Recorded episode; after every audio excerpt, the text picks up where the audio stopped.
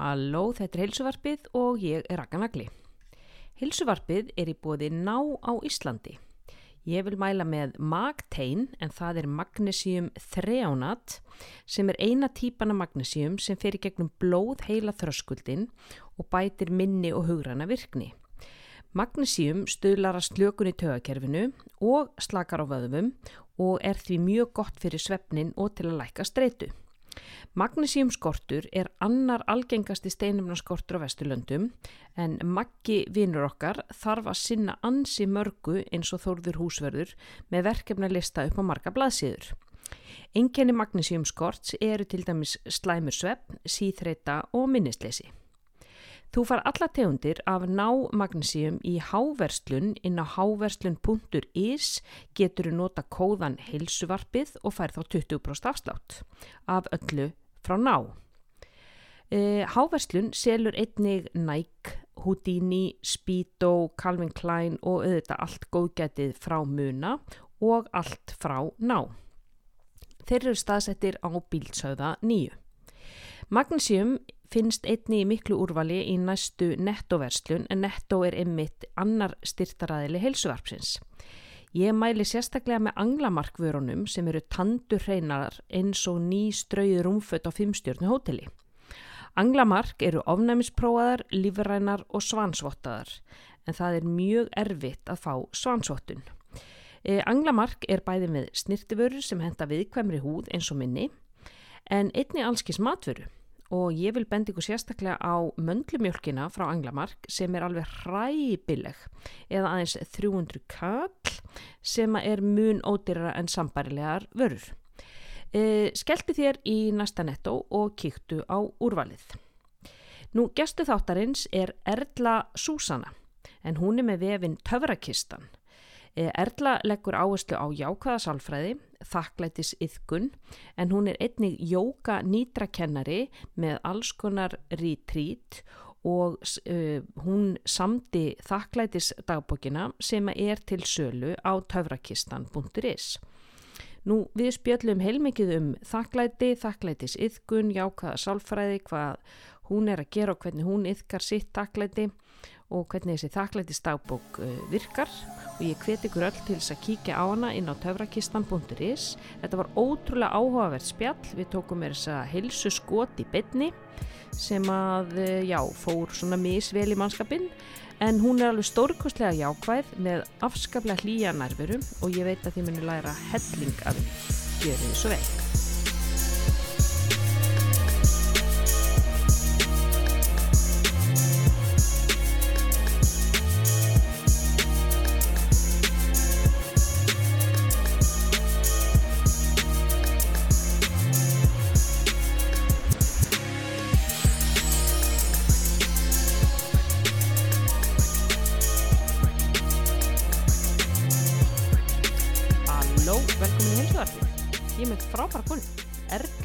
Súsönnu sem hafi samband við mig. Ég er alltaf vissi ekkert um mig sko. Og þú ert með töfrakistuna Já. og sér hafið því jákværi sálfræði. Mm -hmm. sendi mér þess að geggju þakklætis dagbók sem ég nú bara með hérna við hliðin á mér. Og þú verður nú eiginlega bara að segja hlustendum betur frá þér. Já, ég heiti Erla Súsanna, ég er 41 árs, bý í Danmarku, það er ekkert svo langt síðan ég flutti hingað með einmanni og þreymur börnum. Uh, hver er ég? Uh, þetta er, já, mér finnst þetta, þetta er góð spurning sem við eigum að spyrja okkur, hver er ég? mm -hmm. Og ekkert endilega byrja alltaf að því að, þú veist, að þylja upp gráðunar okkar eða, eða hvað þú gerir. Já, en fólk fer alltaf í þetta, mm -hmm. hvað, þú veist, já, ég er kennari eða ég er e, sálfræðingur eða Mhm. þannig að hver er ég ég spyr mig að þessu alveg frekar oft en ég verð alltaf einhvern veginn jafn svona híkandi að því að já, það er svona maður er einhvern veginn alltaf að breytast Mm -hmm. og mér finnst það gaman að, Mhm. og það er það sem ég svona elska það er að vera að, veist, að þróa þróa mig og, og svona vaksa en ég er myndi ég segja mjög jarðbundin ég er líka algjört fyririldi þú veist ég er búin að vera með sama manninum í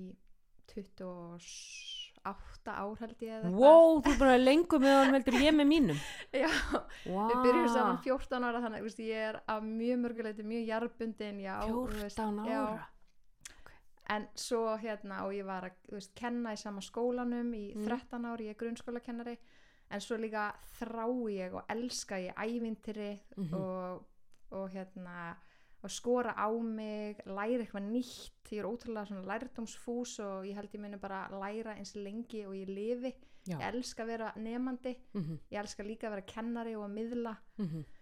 uh, ég er uh, húmoristi, minnst ótrúlega gaman að hlæja og hafa gaman og ekki vera alvarleg og ég, þú veist, stundum kannski haga ég mér ekki alveg eftir aldrei eða allavega úlingstelpanum mínum finnst það Já. en hérna, já, bara einhvern veginn að lifa lífinu til fulls uh, það er svona mitt áhugamál Já, en það sko, þú ert náttúrulega bú- búin að gera þessa þakklætis dagbók og Mhm. þú segir þú ert grunnskólakennari hvena ferðu út í þú veist þessa jákvæða sálfræði, þakklætisiðgun þú veist, hvena ferðu út í að þróa töfrakistuna og allt sem að því fylgir töfrakistan var til þegar ég var í diplomanum með meistaristíi jákari sálfræði, endurmettun Íslands. Og ég var svo eh, lánsum að, að vera sem sagt fá styrk. Ef maður er búin að kenna í tíu ár þá getur maður sótt um styrk. Og ég var sem sagt eh, hérna á launum í eitt ár mm. uh, í, hérna, og valdi með þetta nám. Því ég hef mjög lengi haft áhuga á þessu öllu saman, þú veist hvað gerir lífið þessi verið að lifa því og, og hamingunni og, og slíku. Uh, þannig að það töfrakistan var til þá að því að mér langaði til þess að deila og miðla því sem að ég var að læra þar. Ég var gjössalega bara heldtekinn af þessum fræðum og líka því sem ég hefði verið búin að vera að gera sem kennari ég uh, er döns, var dönsku kennari Nó, kemur sér nú vel þegar maður flytið í Danmarkur mjög vel. Mhm. og þar þurfti maður þar, mitt hlutverk sem dönsku kennari var líka í raun og veru ótrúlega mikið að, að þetta jákvæða. Þú veist að skapa jákvætt uh, lærdómsumhverfi að skapa jákvæð samskipti að, að, að krökkunum finnist gaman að læra dönsku þú veist það er bara ærið verkefni Já, og ég held jú, mér að hafi sé eins og bara- nokkurn veginn tekist það og, og hérna þannig að ég hafði bara mjög líka sem bara kennari að kenna dönsku hafði ég mestan eiginlega áhuga á því hvernig get ég gert þetta skemmtilegt hvernig, Hvernig get ég, gerur dönsku skemmtilega? Ég meina við horfum á Matador, skiljið, þetta var drep. ég til dæmis Mm. gerði eitt að, að þegar að það kom svona yfir mig svona eitthvað bara ó, mér langar að veist, hafa gaman að þá setti ég á hérna, góða danska tónlist og góð dönsk tónlist hvað það ég setti á oft hana Kun for mig með með Já, dínu alveg þvílitt stuð bara disco uh, ekki disco, samfældu meira bara svona Já, uh, svona pop, pop, já, og hérna, kannski á föstu degi setti það á í lokkennslu og, og bara, þú veist, blastaði bara. Og þú veist, það sem gerist þegar maður hérna, hlustar á þessa tónlist og svona, það bara gerist eitthvað inn í manni, Mhm. jú, kannski einhverju verða vandræðilegir bara, við minn góður. En flestir fóru að brosa og sumir bara þetta er svo kjánalegt Mhm. en líka bara þetta er svo gaman og þau fóru að brosa og sumir sem voru bara opnir fóru kannski aðeins að reyfa sig og, og sumir mér að veist, upp að dansa þannig þetta var bara svona ég reyndi bara að hafa svolítið gaman Já. og, og þá komið mitt hérna, mjög íhaldsamur, indislegur starffræði kennari Mm. eh, kíkti stundu svona inn og bara hvað er í gangi Hvað er í hérna? gangi hérna? Já, þannig að já, þannig að það var svolítið þannig. Og mitt viðmót að taka alltaf á móti nefndum með bros og vör og taka eftir þeim þú veist að reyna ekki að vera með höfuðið ofan í tölvuskjánum að klára eitthvað áður en að kennsla hæ, veist heldur hæ, gaman að sjá þig. Og ef ykkur kemur á seint byrð, akkur er þú seint núna eða segi núna, heldur Nei. bara gaman að sjá þig? Ekki, ekki að smána og ekki já, gera, þetta er svona svipa eins og þú veist þegar, þú- þegar maður hérna ringir í einhvern veist, og svarar ekki, hvað ég held að vera bara döður þú veist, e, e, e, ef þú byrjar á þessu og það strax múin að setja hennar neikvæða tón inn í símtalið. Ok, þú ringir tilbaka. Hæ, rosa gaman heyrir, ég var nefnt að hugsa til þín. Skilu, þetta er allt snýst allt um að þú veist, jákvæða tónin algjörlega. Og hvernig þú veist förum við inn í samtalið? Er, er ég búið til gremju og pyrring þú veist hjá badninu eða viðmælandanum mínum eða er ég að búa til eitthvað jákvætt umhverfi fyrir okkur til þess að bæði eiga góð samskipti algjörlega Mm. og líka bara aðgátt skal höfði nærfur sálar maður veit ekki Nei. þegar að nefandi stígur inn eða þegar að manniska stígur inn á heimilu okkar eða, eða hver sem er, maður veit ekki hvað er búið að vera í gangi þannig að Mm-mm. maður þarf að sína mildi og, og hlýju Mhm. og svo líka fannst mér ég elskaði dönsku í bjósans að ég hef einu sinni áður búið eða tvísvar áður og einu sinni í eitt skipti þá eftir stúdarspróf flutti ég hingað með Mm. manninu mínum uh, bara til þess að, að standa á einn fótum og upplega eitthvað nýtt og ég var ástfangin á Danmörku Já. dönsku og ég var bara ég ætla að vera dönsku kennari Já. veist. Þannig að ég ætla alltaf að vera kennari en eða allavega, já, í áður en ég flutti til Danmörku en svo bara ég ætla að vera dönsku kennari Já. og ég ætla að vera besti dönsku kennari sem að til er og ég ætla að láta nefndum mínum líða vel Mhm. og ég ætla að hafa gaman. Að mér fannst það ekkit sérstaklega skemmtilegt í dönsku tímum. Nei. þannig að það var svona bara rauði þráðurinn minn hafa gaman. Þannig að Ætli einhverjum hafi fundið skemmtilegt í dönsku tímum? Nefndum mínum. Einmitt, en svo ferði sérst í þetta diplómanám Já. og, og þá svona ferði að hafa áhuga meiri áhuga á þessari, þú veist, jákvæði sálfræði þakklætis, yðgun þú veist, þú gerir töfrakistuna þar hvenær kemur þakklætis dagbókin? hún kemur í námi mínu líka Mm. hérna hún líka svona já, eh, já uh, opnast fyrir það þar en ég, þegar ég var að hugsa tilbaka þá hef ég skrifað í dagbók frá því ég man eftir mér Mm. og þegar ég var í jógakennarnámi 2016 hjá Jógavinn þá var hún ástakennari hérna baði okkur um að skrifa á hverjum degi eitthvað e, e, fimm atriði sem við erum þakklátt fyrir og fimm atriði sem okkur langar í, svona langanir. Mm. og ég gerði það samskuðsamlega í, í hérna, nýju mánuði og, og fann bara að þetta gerði mér ótrúlega gott. En svo þegar að námi lauka þá svolítið svona, þú veist bara einhvern veginn Mm gerðist ekkert meir, jú, við varum meðvitið um þetta og svo þegar ég fer í jáka sálfræði að þá opnaðist bara fyrir mig nýr heimur. Mm. Þá fór ég að lesa og þá að því að þakklæti er svona einn af svona snerti flötum jákara sálfræði og er búið að rannsaka töluvert Mm og ég bara uh, átti ekki til orð yfir það hversu veist, máttut þakklæti er og það Mhm. er eitthvað fyrirbæri sem hættir að þjálfa og æfa í raun og veru og yfka og, Mm og möguleikarnir eru endalausir með þakklæti -hmm. og ég fór að sanka að mér allskins uh, bókum sem ég var að lesa, greinar uh, ég varð alveg svolítið manísk ég bara Já. og ég sagði við manni minn ég bara mér fannst þess að ég væri bara að uppgöta eitthvað sem væri að fara að breyta heiminum. Mhm. það eru allir að tala um þakklæti. Já, það er þakk, það, sérðu það, þakklæti þarna og þakklæti hér. Já. Ég sá það í sjómarpunni, ég las það þú veist, ég bara sá þakklæti. Mm og hann var bara, erla mín -hmm. uh, nei, þetta er bara þú ert að beina aðtiklinni þangað og þá bara er þetta það eina sem að bara sem að kaupa að. bíl já, og sé maður bílinn allstaðar algjörlega þannig að þetta var alveg og stelpunna mína voru urðarlega pínu þreyttar á mér þú veist, Mhm. ég fekk alveg að heyra mamma please, ekki að hætta að tala um þetta þakklæti þannig að en ég held að ég er ástriðufull og svona fæ svona ég fæ ástriðu fyrir ykkur þá fer ég svolítið svona alla leið mm og auðvitað, veist, þetta var bara svona nýja bremið og svo, þú veist já, kemur svona jafnvægi á þetta. Og, og hérna, og ég fór að uh, skrifa í þakklæti stagbók við líka áttum að gera það eða, eða eitt sem kallast three good things eða þrýr góð Mm. hlutir mm sem er svona jákvæmt inngrip uh, eða æfing. Og hérna og já, og fór að skrifa í þakklæti stagbók bara tómar stílabækur, ég er Mm. algjör þakklæti ég er með svona þakklæti, eða svona dagbókar blæti já, ok ég bara elska að kaupa með dagbækur og þannig að ég bara það var mjög góð tími að hérna og mér svo leittist mér að skrifa bara í þó, tómar hérna þ- bækur þannig að Mhm. ég fór að panta mér svona sérsniðnar þakklæti dagbækur Mm. af Amazon mm -hmm. og þær komu alveg í hrönnum innum já, bara já svona, já. Og, og mér fannst það svo gaman. Þetta Mhm. var svona orðið áhugamáli og gaman að, að kynnast þakklætinu á marga veg og ég fór að prófa mig áfram með þetta og gera alls konar þakklætisæfingar. Og ég fann bara hvað þetta gerði mér ótrúlega gott. Hvað gerir þetta fyrir þig?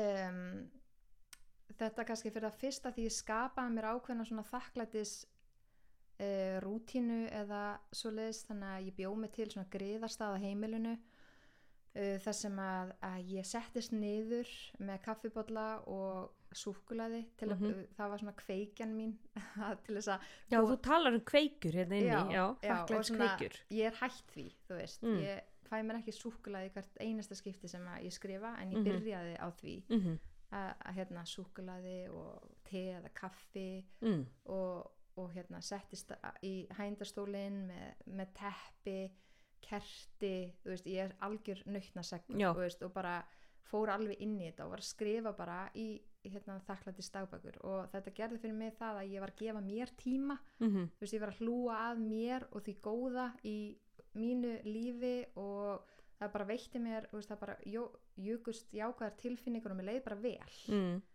Þetta er örgulega sko, þetta er örgulega áhrif á sko serotonín, uh, dopamin, þú veist, í, í heilanum. Veist, það er, það er, það er veljunar hormónin sem að koma út þegar þú þvingar þig til þess að horfa á hvað er þakklátt fyrir, hvað er, hvað er jákvætt, hvað er gott, í staðin fyrir sko að því við erum víruð til þess að vera alltaf að horfa á þetta neikvæði.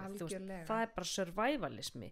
Veist, það, það, það, það passa okkur betur eða skilur það upp á að lifa af hvort að ég fæ fréttir um það að það sé geggju jarðabir hann nýr við anna eða að það sé að koma mögulega óvinna hér og, og drepa okkur, skilu. Þannig að við erum víruð í að horfa Klárlega. yfirleitt á þetta neikvæða af því að það er bara tengt okkar, þú veist, bara survival, sko. það er hárétt og það er eiginlega þannig að, að við erum við erum eiginlega svona segull á neikvæðni Mm og teflon bara á það jákvæða Já. Veist, það er bara, Já, einmitt. bara Það þannig. bara af, já, já. þannig að þetta er æfing þetta er æfing að þjálfa sig upp í því að taka eftir því góða Mm og taka eftir því sem við getum verið þakklátt fyrir og það er alveg búið að rannsaka það að það hefur þau áhrif á heilan -hmm. að það myndast nýjar brautir oh. og, og þá er miklu, þá miklu fljótari að, að hérna, bounce back þú Já. veist, ef að ef að það kemur eitthvað upp á þá er miklu fljótari að fara aftur tilbaka. Mm þannig að þetta efli þrautsegju Já, já, já. og, og hérna og þú ert í raun og veru bara svolítið að forrita undir meðutundana þína Mm -hmm. að, að þessum veist, bara svona þakklætis möndrum veist, takk fyrir, ég þakka fyrir blessana mínar. Og þá þá er einhvern veginn miklu stittra í þetta jákvæða. Mm mm, já, sko þú segir hérna þakklæti eh, sá sem er rannsaka þakklæti hvað mest er Dr. Robert A. Emmons í bók sinni Things How Practicing Gratitude Can Make You Happier skiptir hann þakklæti upp í tvent annars vegar að þakklæti er staðfesting á góðvild og hins vegar að þakklæti er að viðurkenna tilvist annara og þátt þeirra í því að auka góðvildina sem við síðan njótum góðs af þannig að þessi er hann svona allra fremstur þessi Robert A. Emmons, ég hef aldrei heyrt um hann Já, ég myndi segja það að hann hefur, hann gerði meðal annars rannsókn á, á samt öðrum á þakklætis skrifum mm -hmm. þar sem að var hópur sem að skrifaði hvað hann var þakkláttur fyrir hvað voru fimm atriði og, og hérna og svo hópur sem að skrifaði um eitthvað annað, þetta voru þrýr hópar og hópurinn sem skrifaði hérna hvað hann var þakkláttur fyrir hamingja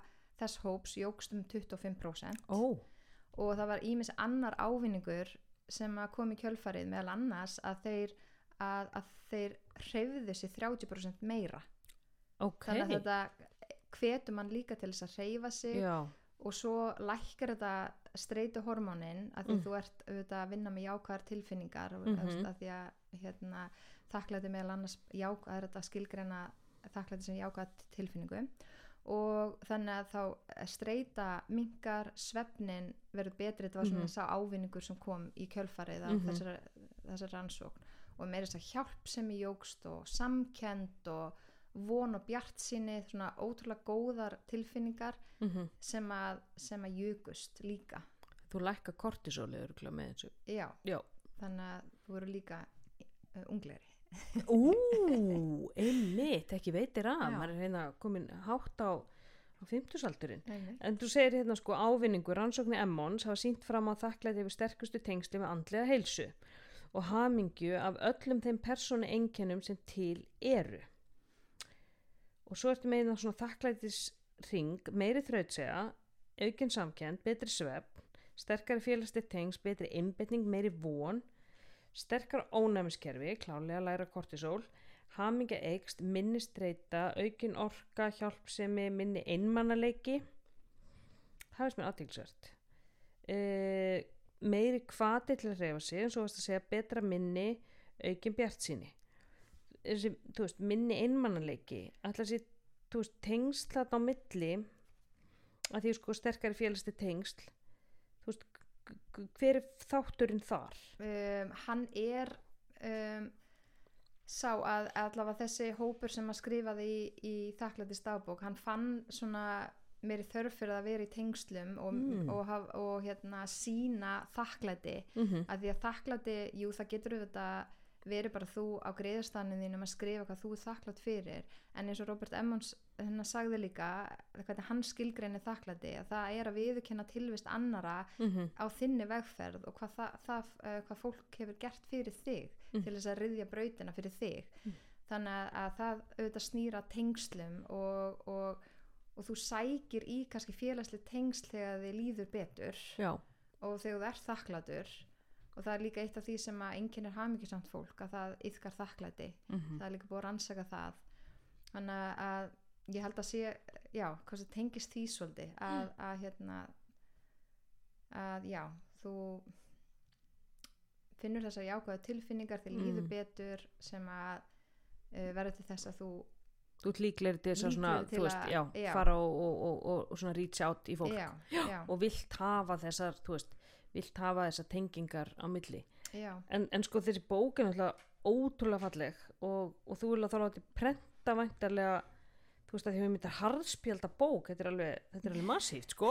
ég gaf hann út sjálf Já. en að ég var að gera það bara í fyrsta skipti Mm og já, ég bara er dúer, þú veist, Mhm. ég bara ég hef ekkert endilega alltaf verið þannig en ég er svolítið, já mögulega smá kvatvís og kasta mig bara út í hlutina og hérna sýsti mín hannaði bókina Ásalara Þórustóttir Mm. mm. býra með tinni í Danmörku líka Ná, þannig að þetta var svona líka sammeilegt verkefni hjá mér og sýstu minni og Mhm. bókin er til einhver mömmu mömmu okkar sem lést 2014 já. þannig að, og ég er og við, veist, ég skrifa þessa bók fyrir mömmu sko. Já, þú segir það hérna fremst, manni, að það var einmitt, ég, ég vissi ekki að hún hefði verið látin, já, ok. Ég, það, og þú veist, og svo er hérna inn á kápunni, þú veist, er þetta eitthvað svona sérstakt, eitthvað svona þakklætis nei, skraut? nei, þetta Nei. en það er, við, ég, við erum samt að vinna með hérna, þakklætis táknið sem er einmitt, Já, já, og það nota ég einmitt sem svona þakklætis kveikju þannig ég hef það, þú veist því ég kem niður, Mhm. hérna, þá er þetta í eldúsinu, þannig ég sé þetta tákn sem að minni mig á að mun eftir að tengja inn á þakklætið mm, og líka minna mig á að skrifa í hérna dagbókina mm og ég er bara ætla að segja það hér nú að við, ég og sýstu mín, við erum að fara að tattúa. Þetta tákn á okkur. Geggjað, af því að, já, við hérna töluðum um það að þegar við værum búin að selja þúsund bækur Já. að þá myndum við hérna fá okkur tattú í minningu um mömmu. Já, þannig að það er að fara að gerast örgulega bara fljótlega já, flott, þannig hæg heimatökin hér að fá sér tattu í, Já, í Guðmannu. já, en þú veist, það er líka átið að því að hérna, það er, lágstafurinn G er hérna neðst á Já, einmitt, og mamma hétt Guðrjur já, þetta svona- þetta tengist allt. tengist allt saman sko. Já, einmitt.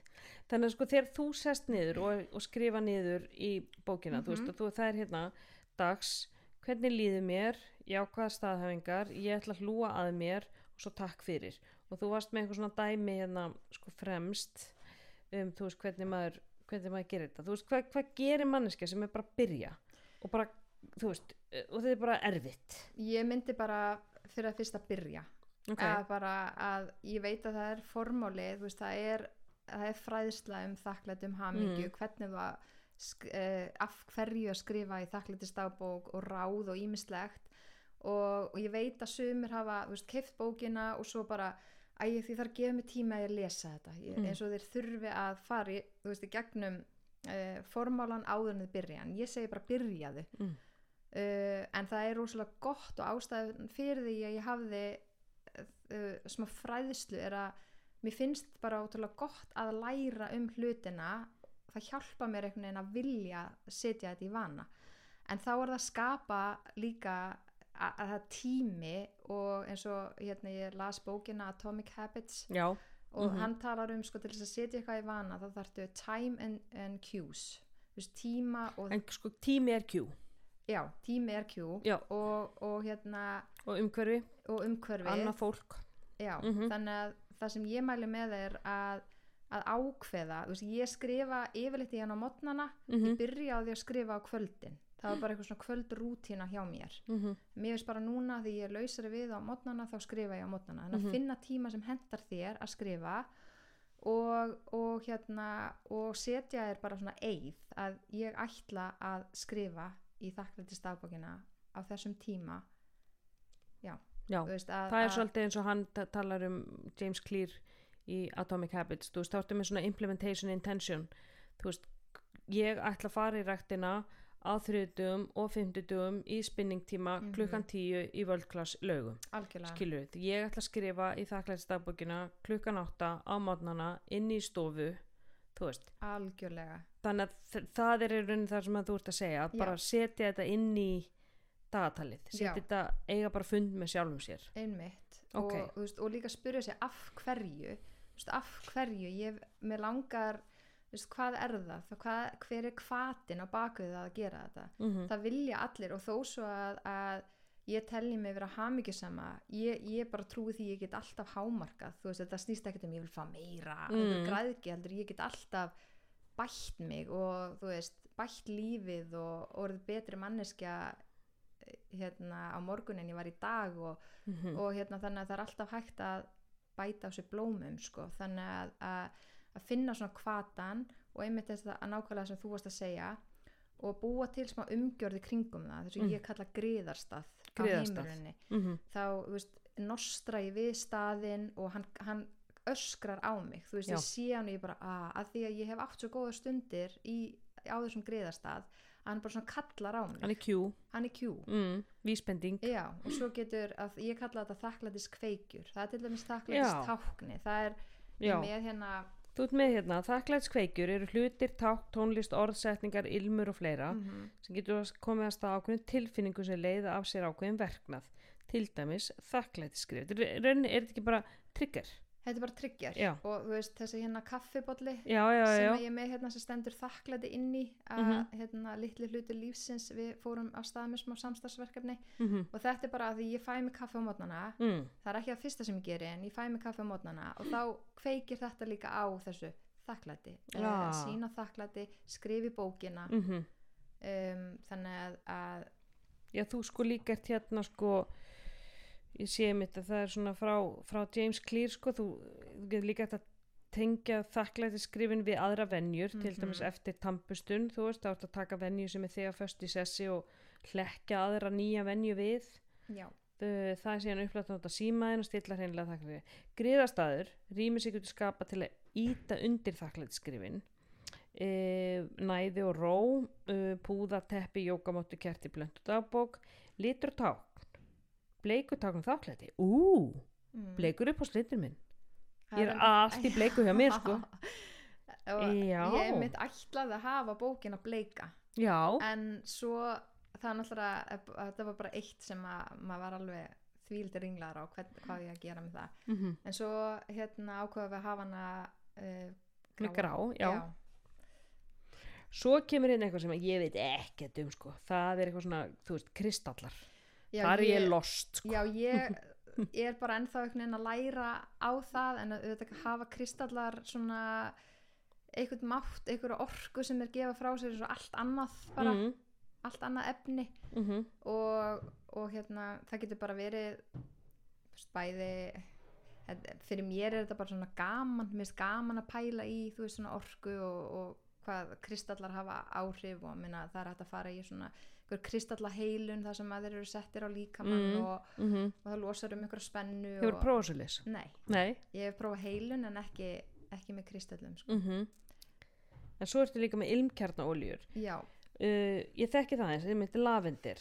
Þú segir hérna eigur ró og jákvæða tilfinning. Nú er lavendir mikið nota sko til þess að sopna. Þú veist, Mhm. setja, oft setur fólk lavendir á, þú veist, kottan sinn, þú veist, ég og einhver lavendir frá ná, einhverju Já. svona ilmkjarnólur, ég hef stundu setta einmitt á, á kottan og ég líka, ég átti svona diffuser, svona lampa mm -hmm. uh, en svo kemur hérna frankinsense Mm -hmm. drött, drottningólíana talum framkalla jafnvægi og ró í tögakerfið og bergamont getur haft áhrif og minka streitu þannig það er eiginlega svona þessar þrjár sem að þú ert að tala um hérna Já, mm. uh, ég er einmitt með þú ert með olju, já, þakklættis blöndu já. sem að ég ætla að gefa þér. Ó, Þetta er svona rollon. Þetta er og í þessari er á olju sem heitir Air, Bergamont, Wild Orange, Frankincense og Grapefruit. Þannig að nú er ég það bara er að ekki lavendur í henni. þessu og hérna þetta er bara blanda af þessum oljum pluss uh, svona hrein kókosolja uh -huh. og þetta er eina af þessum kveikjum. Ég nota svona olju til þess að kveikja á að tryggjara það í raun og veru bara, þú veist, því ég ber á mig þessu olju og andina að mér mm. þá kemur bara eitthvað svona ma manta, Já. þú veist, þakklæti. Já, þetta er bara þessi olja lykt hérna minni mig á svona þegar ég fer, fer í hérna þegar ég fari í svona tænut eða þú veist, mm, það er svona einmitt að vera mm, þetta er rosa góð lykt af þessu. Og hvar, hvar á maður að rúlla þessu á sig? Setja bara úliðina mm. Og ég nota ólýruninu verið líka sem ylvött að ég nota ekki ylvatn, ég bara Mm, rúlla á mig mhm. þú veist, ef mér líkar lyktina að hérna, þá rúlla ég bara hérna bak við eirun og, Mm.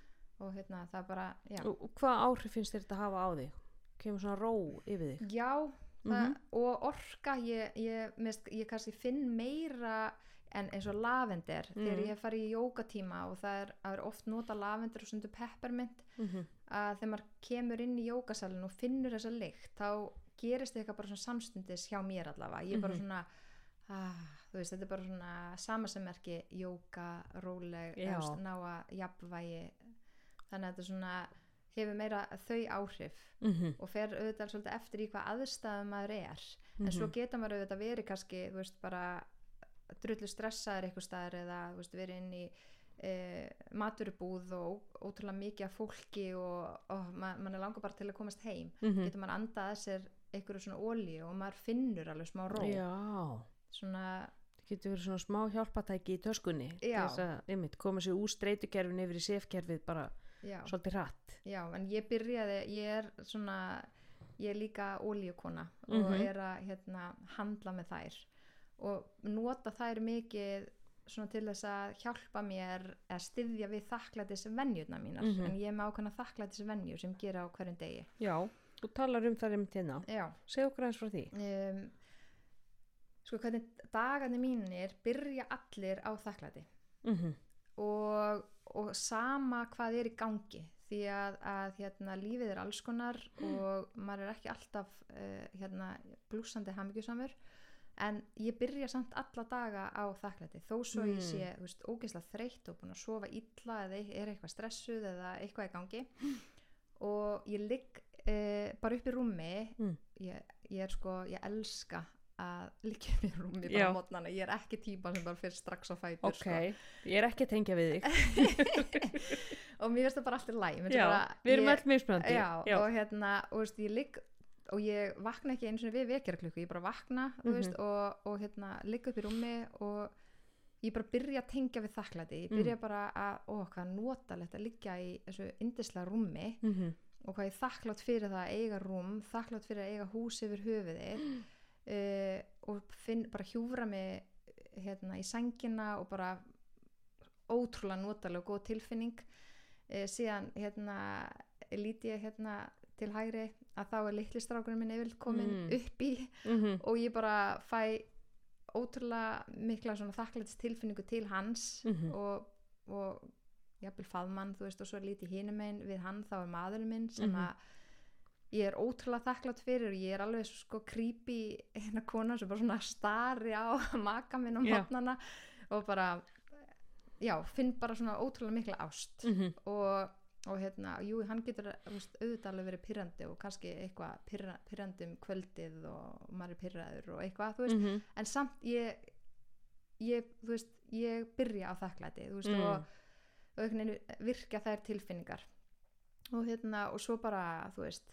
fer ég fram úr og það er svolítið stór gluggi á baðherbygginu og ég kíki út og þetta er ekkert eitthvað sem tekur eitthvað langan tíma þetta er bara automatist sem gerist hjá mér því ég er búin að þjálfa mig upp í þessu mhm, og ég lít bara út og ég er bara what a wonderful world sko. Já, já, bara já. wow, Mm. æði mhm, og busta tennurnar og þetta kveikir líka á því einhvern veginn að taka ekki þú veist, uh, lífinu bara sem sjálfsögðu. Það er forrinditi að bara vakna Mm. anda og vera á lífi. Mhm, og vera með þú veist vel starfhafa líkama ég get hreift mig, ég get gengið þú veist, ég hef hérna ekki ég hef lent í því að fá í bakið Mm. á einhvern tímapunkti, það var hræðilegt. Mhm, og þá bara átta með þess að á því þú veist bara, vá hvað ég er he- heppin að bakið mitt bara virkar Mhm. og þú veist, bara allt virkar hjá mér. Mhm, og ég fyrir niður, fæ mér vasklas og setja mér þá svona lemondrópa ylkjarna, mm. oljudrópa, þá er svona bara hreinsandi í staðin fyrir að krista sítrununa það tekur tíma, hann hittir bara þægilara mhm,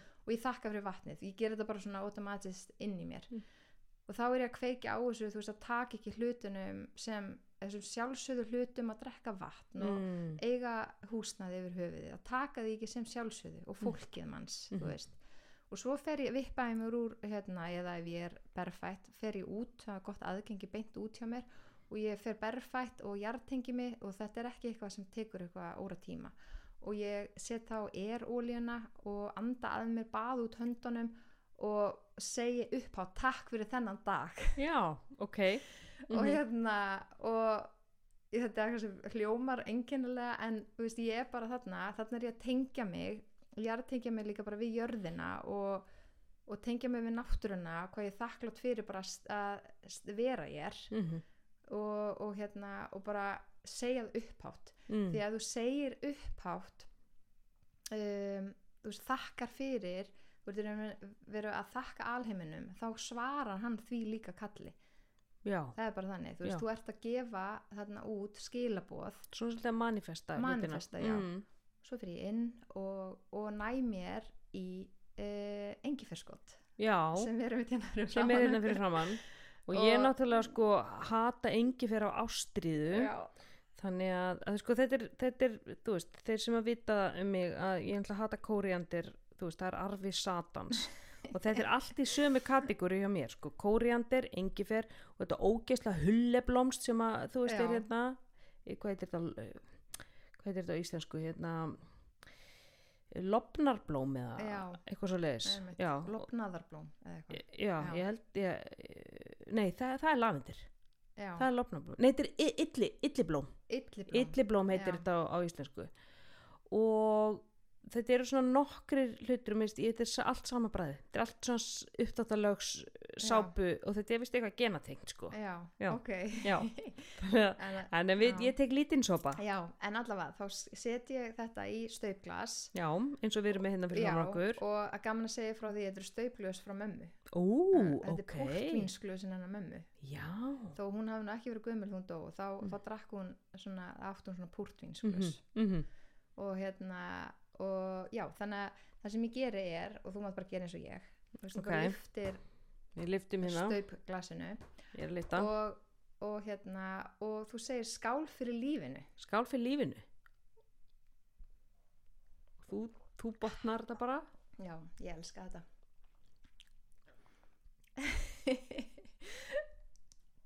Þetta er með hindberjum. Ha! Þetta rýfur í maður. Já, Ó, og ég fekk mér þetta ekki er- stóra sopa. Þetta rýfur í eins og lífi gerir stundum. Þú bara dánaðir þetta bara.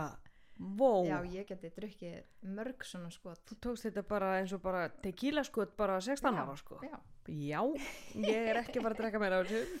En þetta ger ég bara til þess að í raun og veru að svona setja svona smá ásetning fyrir daginn, gleði, mhm, hafa gaman, fagna, þú veist, fagna lífinu. mhm, Um, og það er einmitt mjög stert í, í þessum þakklætis fræðum eða það er að þakklæti er að fagna. mhm Og, og hérna líka svo ef ég fór ég eitthvað að skoða þetta og það að skála, fórt grikkir gerðu þetta á sínum tíma, þá skáluður fyrir betri heilsu og hamingu.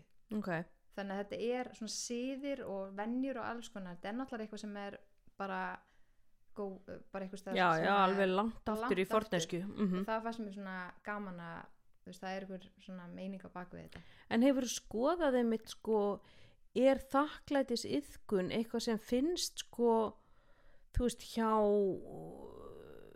þú veist fortgrykkjum eða rómverjum eða þú veist að þú segir með þeir skálu fyrir sko betri heilsu og svona þú veist já, en, en þú veist þetta virðast vera svo ung fræði en á þetta sér einhverja dýpri rætur einhver staðar, þú veist, er einhver ákveðin þjóðflokkar, einhver ákveðin ákveðin, þú veist lönd eða sem að eru þakkláttar en aðeins, það sem ég dættur í huga er sko bláusvæðin já, þú veist, er það fólk til dæmis, þú veist, þessi veit ekki með blásæðan að þeir eru, það er svona hæsta hlutfall af fólki sem er nær 100 ára aldri þú veist, þetta er ykkur fimm svæði þetta er Okinawa í Japan, þetta er Sardinia þetta er eh, Loma Linda í Kaliforníu þú veist, er, er þakklæti sést það mikið þar, ég veit til dæmis að þeir eru með mjög sterk félagslega tengsl Já. þar, það er svona það sem að bindur þá eiginlega saman og, og, og, og, og sést að svona þeirra góða heilsa er þetta, þessi daglega reyfing og sterk félagslega tengsl. Mhm. Þetta eru tveir faktor sem eiga sammeilegt og ég velti fyrir mér hvort að þakklæti sé mögulega þar eða þú veist, hefur þetta eitthvað verið skoðað eitthvað svona þannig? ég hef ekki skoðað það eða greinslast fyrir um það sjálfa á þessum bláu svæðum. Ég veit bara að, að það sem enginn er hamingjusamt fólk er að þeir ytka þakklæti Mm -hmm. en þakklæti eru þetta sammannlegt. Mm uh, og það, það nær út fyrir endarlög að enda hvað sem er verður ég að koma með eitthvað bósa ljósar út fyrir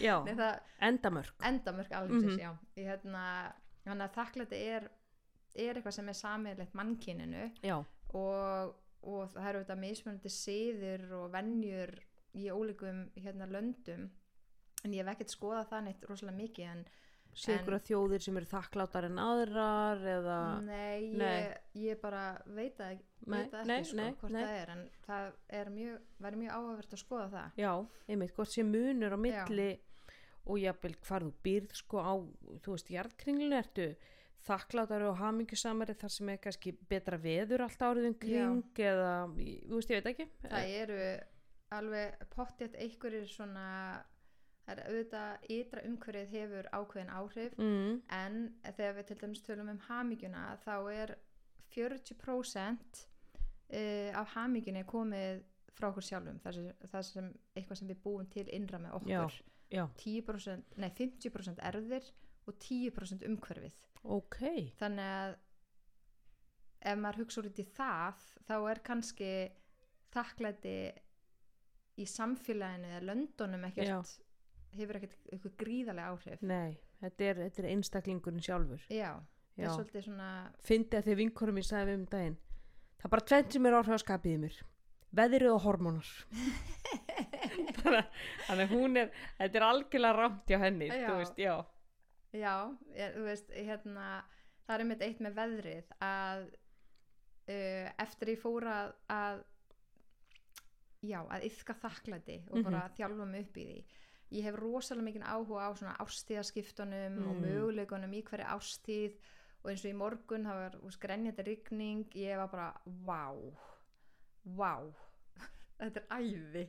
Að því að þú horfir á mig Já, sko, ég hjólaði í óræktinni. Já, sko, í þessari grenjandi rigningu og það var ekkit vá þetta er æði hjá Nei, mér, sko. nei, Þetta ok. var bara, ég er ekkert alltaf eh, sko bara að þið vílitt jákvæð fyrir öllu ég var náttúrulega inni bara í Mhm, kósi mhm. þú veist, uh, hérna já, bara að vakna og mér var þetta rosa fallegt að sjá hvað það skerpist á litunum einhvern veginn þegar rigningin kemur og, og svona eitthvað dölúð yfir öllu og já, en allavega en það er einmitt hérna gott samt að líka hugsa um þakklæti í erfum aðstæðum Mhm. og þakklæti þegar maður er pyrraður Mhm. þegar hormónarnir er eitthvað þú veist, a- alveg að- að leika mann grátt og, og veðrið er umulegt að þá getur maður, maður getur nota þakklæti ótrúlega mikið í erfum aðstæðum. Og það var einmitt það sem að e, þegar þú spurðir hvernig hjálpar þakklæti þér hann í upphafi e, þegar ég var að byrja þessa vegferð já, að þá greinir stelpan mín með hérna flógaveiki, hún fær tvö alveg stór svona flógaveikisköst mm. Sem, og það var bara virkilega erfiðu tími. Þannig að meðan ég var uh, að byrja þessa þakklætis veðferð þá gerist það og, og, og þá nota ég þakklætið mm. Hvað ekki- þakkaður fyrir Ég þakkaði sjálfsögð ekki fyrir að hún væri Nei. komið með flóveiki og, og hafi fengið þessi flóköst og, veist, meðan á flóveikiskostunum stóð að þá sko var þakklæti alls ekki mér ofalega í huga þá er maður bara í survival móti og bara allt hræðilegt þá er bara Mhm. þjáning mm -hmm. og það er ekkit endilega þannig þú veist að maður finnur til þakklætis bara í miðjum stormi en þakklæti er einhvern veginn finnst mér svona lognið í storminu maður getur leitað í það. Og maður er ekki þakklætur þegar að nákomin ástfinnur lendir í ykkur ef, ef, ef, ef ykkur er að glíma við við hann sjúkdóm en maður getur, maður getur þakkað fyrir góða daga. Þá koma síðan góði dagar inn á milli sem maður getur svona geimt og Mhm. þakka fyrir maður getur þakka fyrir þegar ástvinnurinn, ástvinnurinn brosir mm. þú veist að maður sér svona vonar glæti í augum ástvinnar að það gengur, það er eitthvað svona gott núna þá alveg fyllir það hjartað maður getur þakka fyrir heilbriðistarsfólki sem að sinnir hérna mm -hmm. og sinnir vonandi ástvinnunum og, og hérna þó að sé allur gangur því líka en hérna þegar upp er staðið þá held ég allir sé að reyna að gera sitt besta uh, maður getur þakka fyrir bara kaffibollan og getur þakki, þakka fyrir þú veist uh, kökusniðina sem maður fær sér síðdeis þú veist eða já þú veist mm -hmm. en það snýst ekki um það að, að þú er að þvinga fram þakklæti í erfiðum aðstæðum nei, nei, nei Alls ekki. nei, nei. en það er, það er eitthvað hverjum einsta degi sem við getum þakka fyrir já, já það er bara þannig Já, algjörlega. Ég er um að skoða, þú veist, hérna, þú veist, dags, ok, fyrsta spurningin er hvernig líður mér? Ok, ég meina eins og núna, ég veit eitt hvernig mér líður. Ég er sálfræðingur, ég veit eitt hvernig mér líður. Ég er bara eitthvað, þú veist, já, ég held sér bara glöð já, og, þú veist, þar ég að skrifa þær þrjálínur. já, Þar ég að skrifa meira en það, þú veist, er nóg fyrir mig að skrifa bara ég glöð. ef, man, ef til dæmis sem maður finnur eiginlega ekki neitt þá Mm. er það líka eitthvað Já, þú veist þannig að, jú, það er alveg nóg að skrifa bara glöð. Stundum skrifa maður kannski bara eina línu eða eitt orð. Já, stundum vil maður skrifa meira þá er ég alltaf með svona auka bók ef ég er bara í Ah. eitthvað þýlíku flæði mm, bara auka stílabók þar fæ ég það, þannig, ég, ég næ ennþá að kaupa mér veist, það, eh, hérna, dagbækur. Ég næ Mhm. ennþá að gera það þannig að, að þá skrifa ég kannski þar. Og stundum byrja ég að teikna líka út frá því. Og bara kemur eitthvað svona mindfulness flæði og, mhm. og hérna, það gerist öðru hverju En svo kemur sko jákvæða staðhæfingar Mhm. og ég var um því ég kíkti á sko þú veist það sem að var svona leiðbenningarnar ok, jákvæða staðhæfingar þú veist, hvað myndir þú skrifa hérna? ég nefnilega þetta, er, það, þetta vefst fyrir mörgum sem Já, eru að, bara hvað er þetta, já hvað Já. staðhæfing Mm -hmm. það er líka alveg hægt að segja að þetta sé kannski ásetningur mm.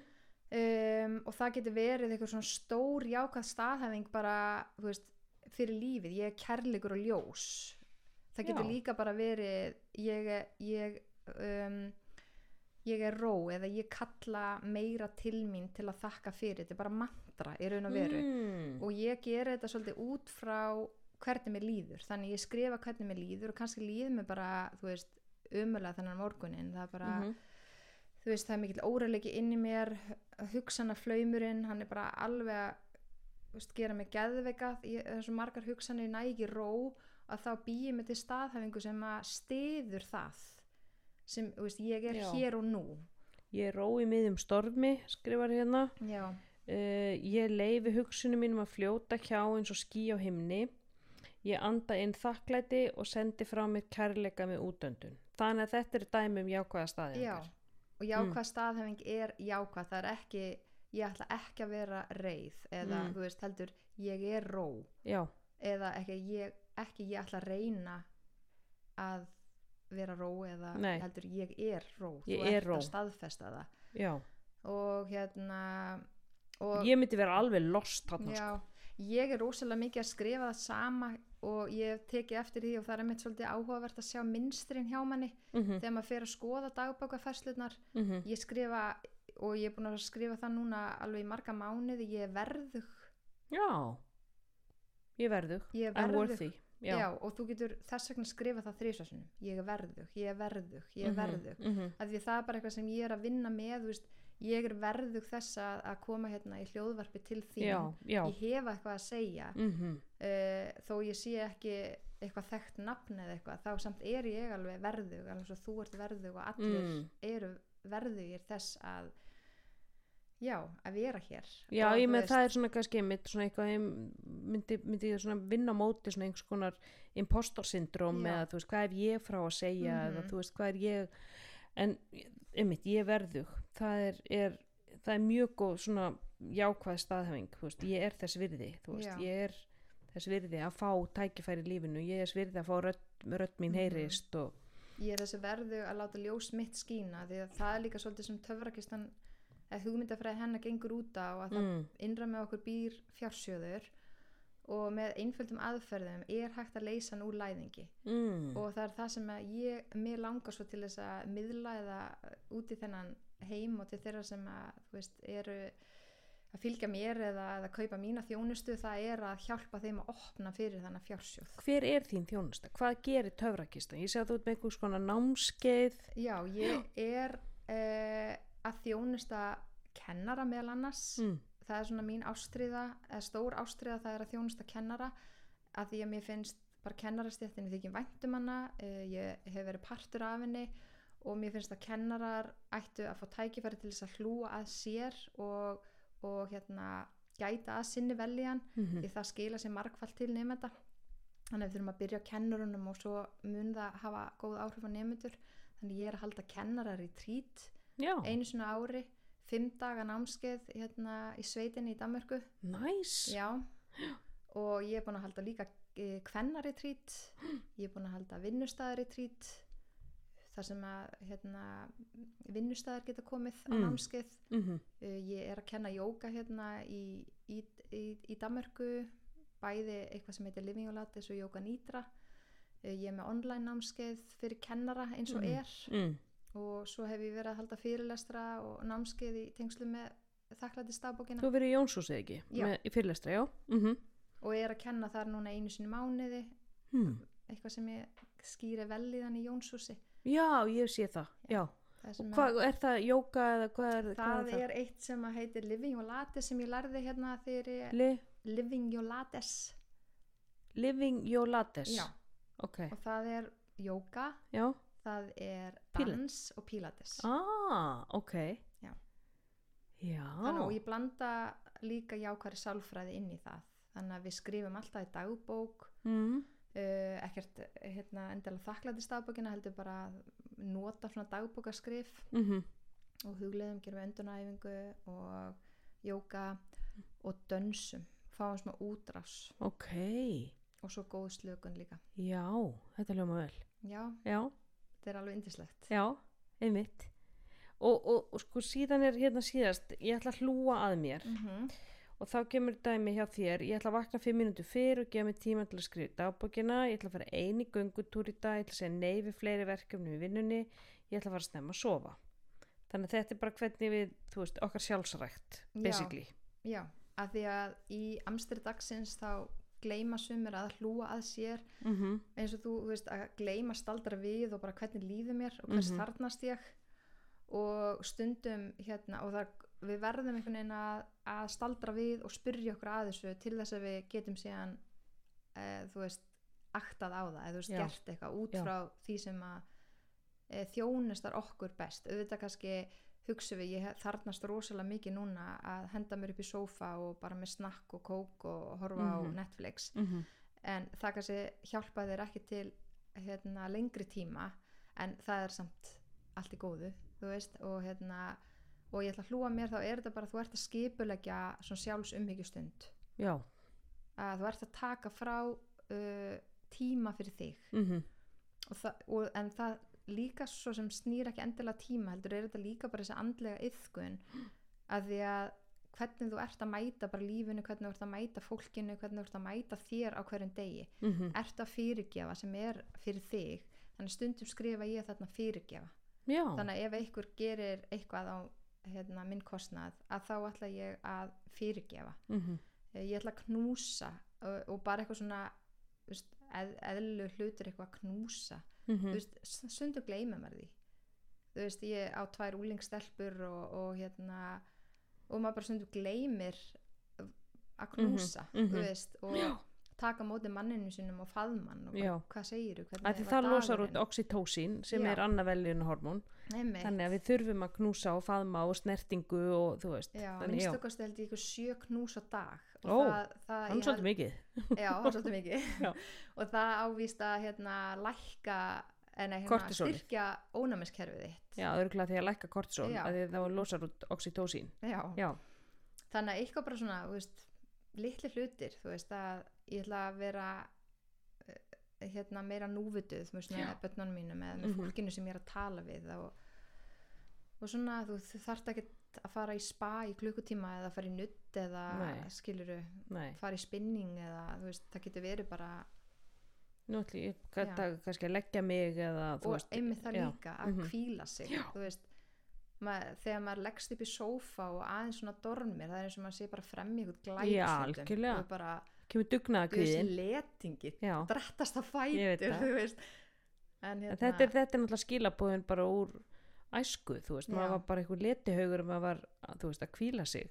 Og þá kemur einmitt þessi svona sem ég kalla dugnaða kvíðin, já, þú veist, ég verð alltaf að vera að gera eitthvað, gera eitthvað, gera eitthvað. En þú veist, pælum í því, þú, þú ert ekkit með síman þinn, þú veist því veist alveg eðlilegt þegar þú setur símaðinn í leðslu, skilur en við erum aldrei til í að setja okkur sjálf í leðslu nei, þú veist, og, og stundum er bara ok hvað hva þar síminn, ég ætla að gefa hann smá búst skilur, hann er alveg að vera batterislaus en við förum bara eitthvað langt yfir batterið og klárlega. setjum okkur aldrei í leðslu nei, þannig að þú veist kvíld er sjálfsrækt.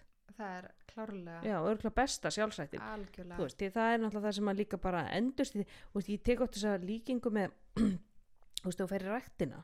Þú veist, þú kvílir á milli setta skilur, þú ert ekkert bara að æfa hverja einustu mínútu í skilur, það kvíld á milli annars skemmur sko, þá þú ert- skemmur já, bara allt og þú fer bara í ofþjálfun og allt fer Mhm. bara, þú veist, til fjandans þannig að þegar þú ert heima og þart skilju við það sem við gerum er að við, þú veist, við fyrum að lítið á síman eða Mhm. skilju við, það er alltaf eitthvað dópamin alltaf einhver þú veist, ef við eitthvað tíma bara prófa að vera bara að kvíla þig þú veist, að því að heilin þarf kvíldina líka algjörlega hann er vöðvi og líffæri sem þarf bara smá breyk sko. hann getur bara tekið á móti ákveðnum svona gigabæti þú veist, Já. við erum bara eins og veist, tölfur að það er Mhm. bara, þá verður bara computer says no eftir ákveðin tíma mm náttúrulega áreitið í dag er svo svakalega mikið mikið líka alveg stó, st- hérna, stóru hluta á unnið og er ekki talað um að maður stýrir hvað 80-90% af streytunni sinni sjálfur þú veist Mhm. þannig að þú hefur alveg mikið um að segja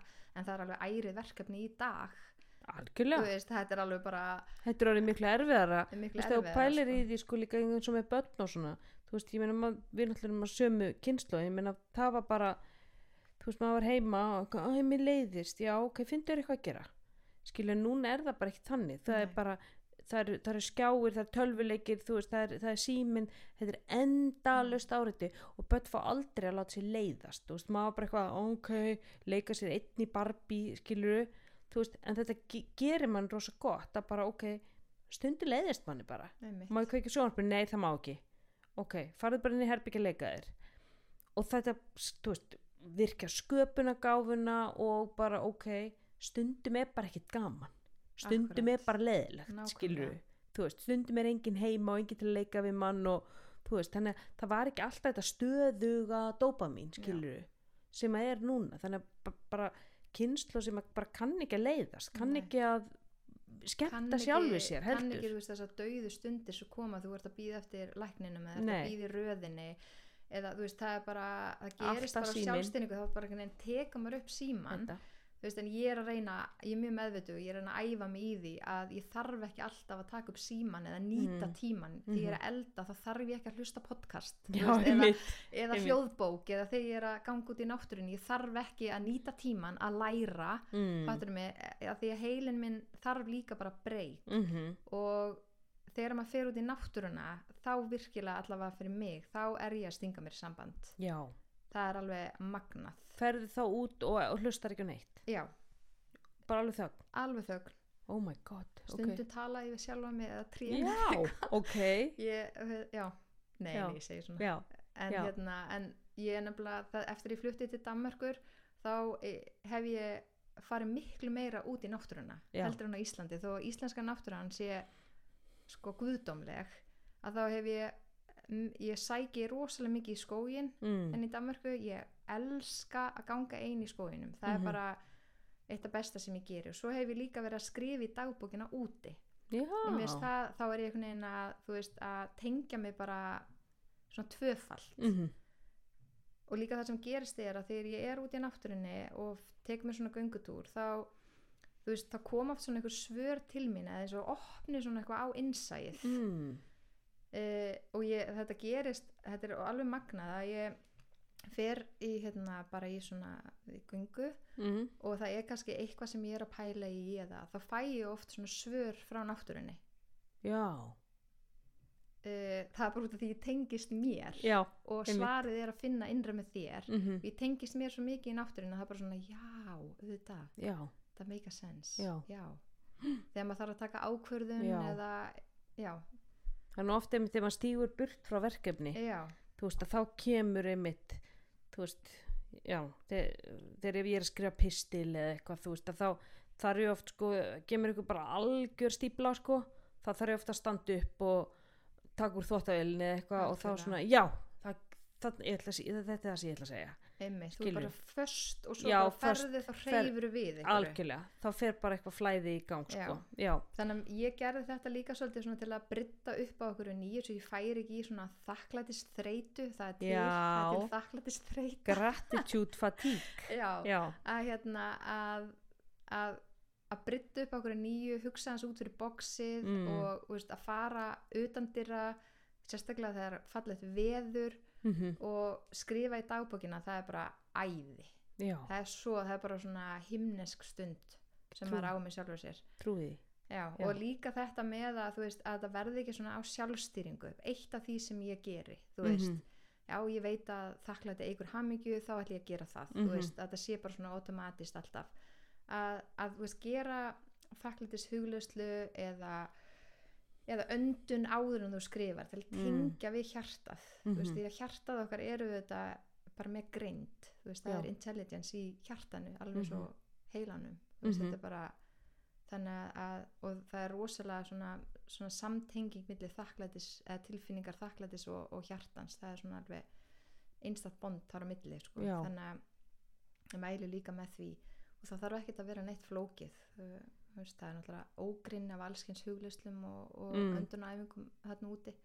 En þú þarft ekki annað en bara anda inn út og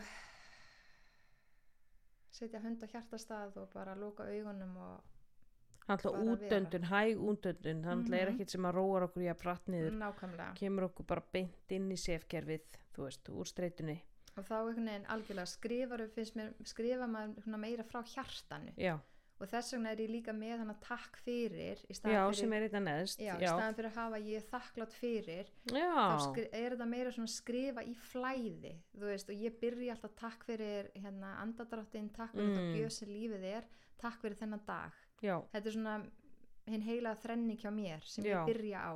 Já, og þetta er komið frá apríl hérna Smáradóttur sem að ég fórum þetta á námskeið til svona, hún, get ekki sagt að hún sé, hún er allt múlík kona. Já, og svona lífsþjálfi og það er eiginlega, ég myndi segja henn að þakka, henn að námskeið að þakka að ég bara fór að uh, taka upp á töfrakistunum minni og bara Já. framkvæma. Já, já, já, uh, og hún hérna meðal annars fór með okkur gegnum þakklætis hugleyslu þar sem hún notar þessi orð takk fyrir Mm, andadrættin, takk fyrir mm. það gjöf sem lífið er. Mhm, og þá breyttist bókin að því ég byrja á henni 2019 hún kemur ekki út fyrir en uh, 2022 já, já, hún er bara nýkomin út. Já, bara ár ok, eða er að koma ár síðan. Já, þannig að, að ég er svo ánað að hún hafi ekki komið fyrr út af því hún var tilbúin sko 2021 Já. minni mig. Mhm, og ég var komið með útgáfufélag og allt Mhm. en þá fór ég á smá flakk, ég flutti til Katar og síðan Mm. til Danmerkur og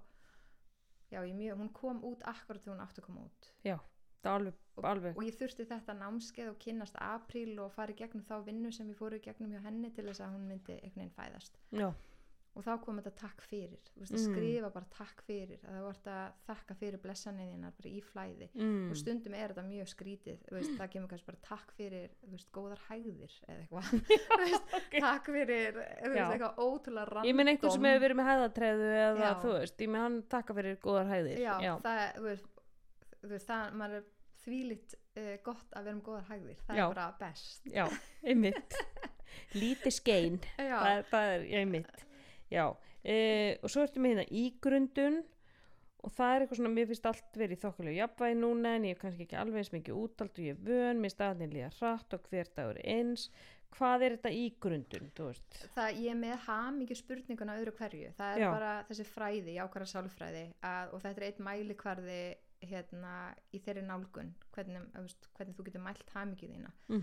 þannig að, þetta er bara svona eira til gamans að hafa þetta og ígrundun þá er þetta, það er bara ótrúlega gott að ígrunda Mm. og eitt af því sem að um, enginn er farsala einstaklinga það er að þeir ígrunda mm. þeir Mm. ígrunda uh, hvað þeir eru að gera núna hvað, Mm. mm. hvað þeir vilja gera hvað þeir hafa gert, þetta er bara svona dagbókarskrif Mm. og þannig að þarna ertu bara svona já, aðeins að kafa dýpra í þetta ok, ég mæli með sjö uh, ég sitt, gef mér einhvern sjö í að vera hamingisamur, af hverju og Mm. hvað þú veist og það færði bara til þess að vaksa meira þegar þú ígrundar Já, hvað er að baki þessari sjö sem er, ég er að segja, ég sé hamingjusum, það er einn upp í tíu, mm -hmm. ég er á sjö og hvað, hvað því, hvað býr, að baki? já, þetta er bara eins og ef við Mm. fáum einhvernuna, þú veist, Mm. átta eins og það var í, í einu sinni einhvernakerfinu, það segir okkur ekkit rosalega mikið.